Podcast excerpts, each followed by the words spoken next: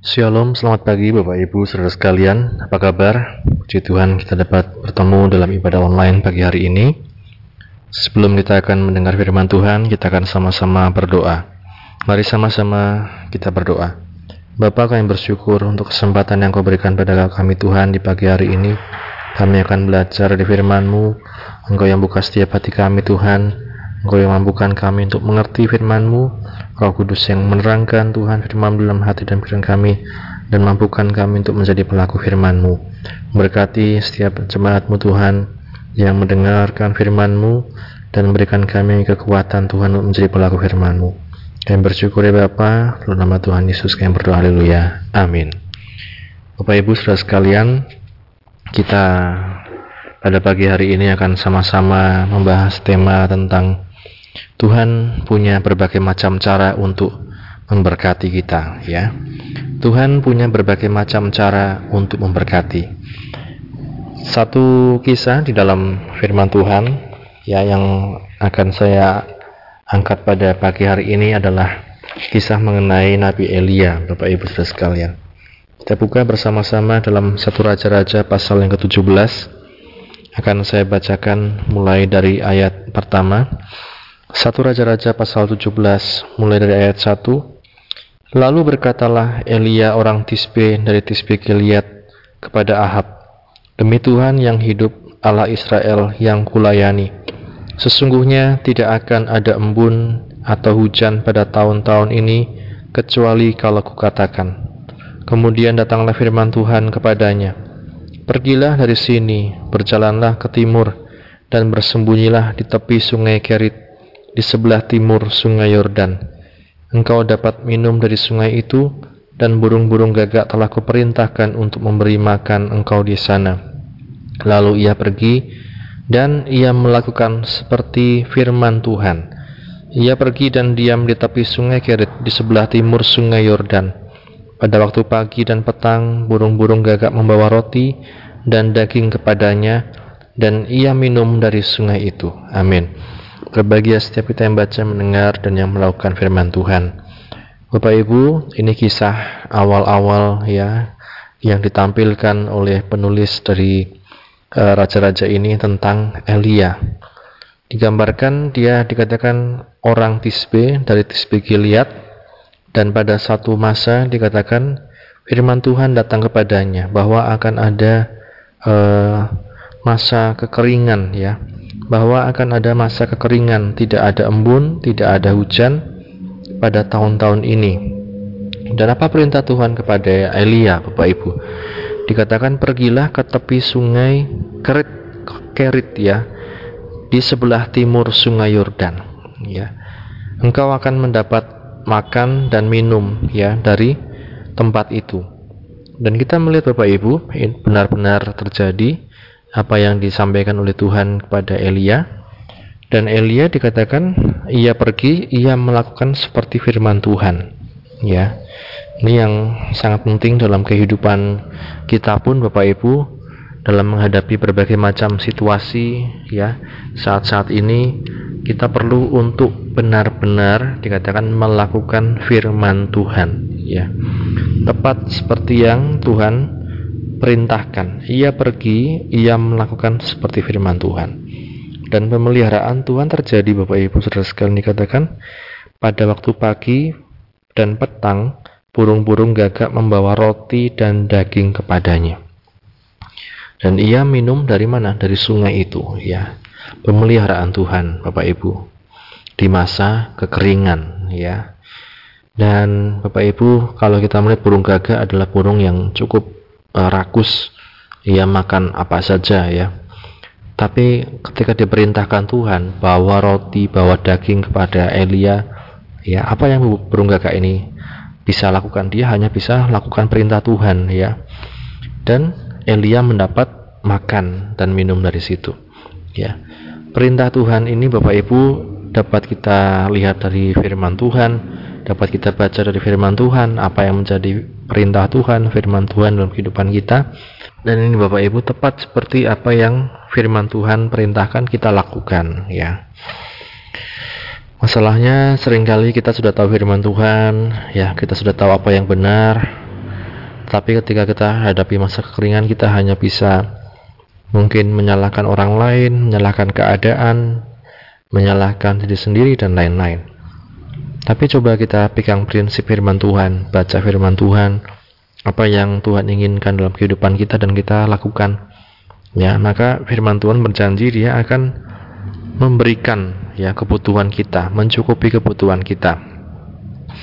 Namun Bapak Ibu, eh, dalam tahap selanjutnya, proses selanjutnya kita melihat Tuhan memiliki cara yang berbeda. Ya. Di ayat yang ketujuh, tetapi sudah beberapa waktu, sungai itu menjadi kering sebab hujan tiada turun di negeri itu. Maka datanglah firman Tuhan kepada Elia, Bersiaplah pergi ke Sarfat yang termasuk wilayah Sidon dan diamlah di sana. Ketahuilah aku telah memerintahkan seorang janda untuk memberi engkau makan. Sesudah itu ia bersiap lalu pergi ke Sarfat ya. Nah, ini Bapak Ibu Saudara sekalian. Sekali lagi Tuhan punya berbagai macam cara untuk memberkati kita. Ya. Tugas kita apa dikatakan? Dengar firman Tuhan, baca firman Tuhan, apa yang Tuhan inginkan kita lakukan, lakukan firman Tuhan, ya. Maka akan ada pemeliharaan Tuhan. Kalau tadi dari burung-burung gagak yang begitu rakus, yang begitu uh, seharusnya tidak mau berbagi. Tapi yang kedua ini dari janda, ya. Bukan yang kaya, bukan yang memiliki berbagai macam harta, bahkan dikatakan dia hanya memiliki nanti kita baca segenggam tepung ya. Bahkan dia hanya memiliki segenggam tepung dalam tempayan. Ya, dan sedikit minyak. Ya. Janda yang tidak kaya Bapak Ibu Cara Tuhan memberkati sekali lagi Bapak Ibu. Seringkali kita andalkan orang kaya, sering kali kita andalkan, wah saya mau uh, minta sama dia, pinjam sama dia, wah kita andalkan orang-orang yang kita anggap itu berpengaruh, kaya dan lain-lain. Tapi justru dalam kasus Elia ini kita melihat Tuhan memberikan jalan lewat seorang janda, ya. Dan kita lihat Bapak Ibu ketika Elia ikut perintah Tuhan. Tuhan sekali lagi dikatakan memberkati kehidupan Elia. Tuhan mencukupi kebutuhan Elia. Ya. Bahkan tidak hanya itu, dia juga mencukupi kebutuhan janda ini dan anaknya. Dikatakan di ayat yang ke-14 sebab beginilah firman Tuhan Allah Israel Tepung dalam tempayan itu tidak akan habis dan minyak dalam buli-buli itu pun tidak akan berkurang sampai pada waktu Tuhan memberi hujan ke atas muka bumi. Ya. Lalu pergilah perempuan itu dan berbuat seperti yang dikatakan Elia. Maka perempuan itu dan dia serta anak perempuan itu mendapat makan beberapa waktu lamanya. Tepung dalam tempayan itu tidak habis dan minyak dalam buli-buli itu tidak berkurang seperti firman Tuhan yang diucapkannya dengan perantaraan Elia. Amin, Bapak Ibu Saudara sekalian.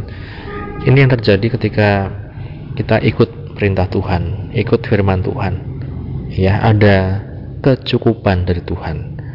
Tidak berlebih-lebihan, tidak terlalu mewah, banyak dan lain-lain, tapi cukup ya, itu sangat perlu ya dalam kehidupan kita. Kita buka satu ayat dalam Efesus pasal yang ke maaf, maaf Filipi pasal yang keempat ya. Filipi pasal yang keempat mulai dari ayat yang ke-12.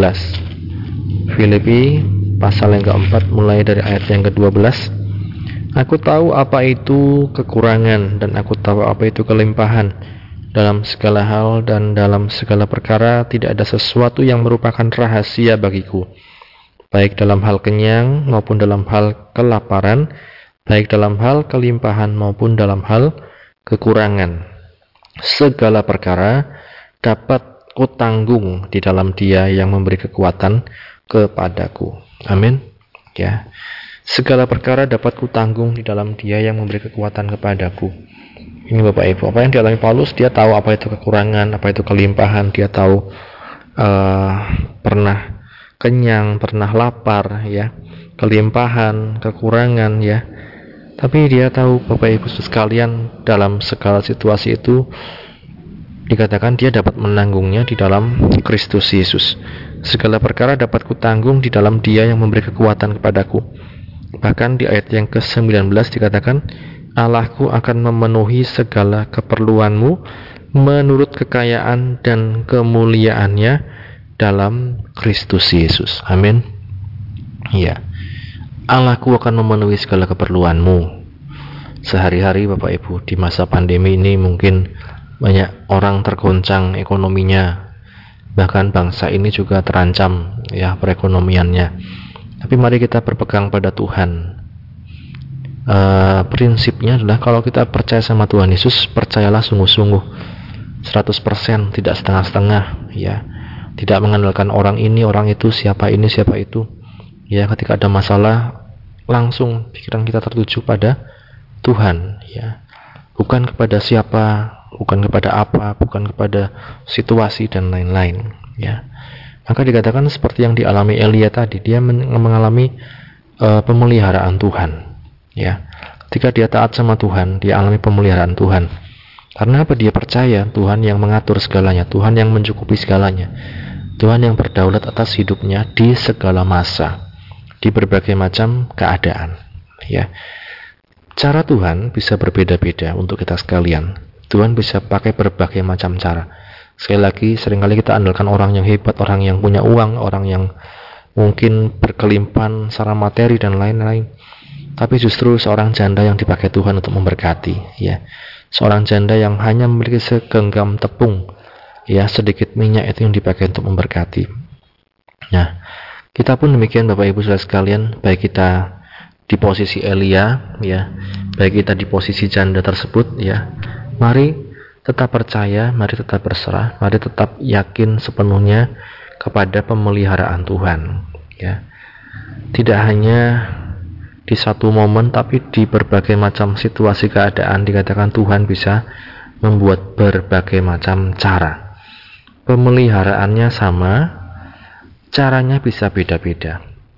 Caranya bisa lewat apa pun yang kita kerjakan. Ya, genggam segenggam tepung dan sedikit minyak berbicara tentang apa Bapak Ibu?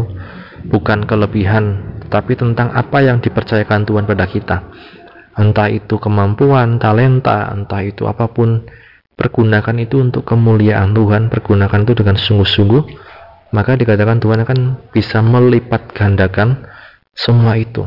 Ya, tapi bagian kita apa?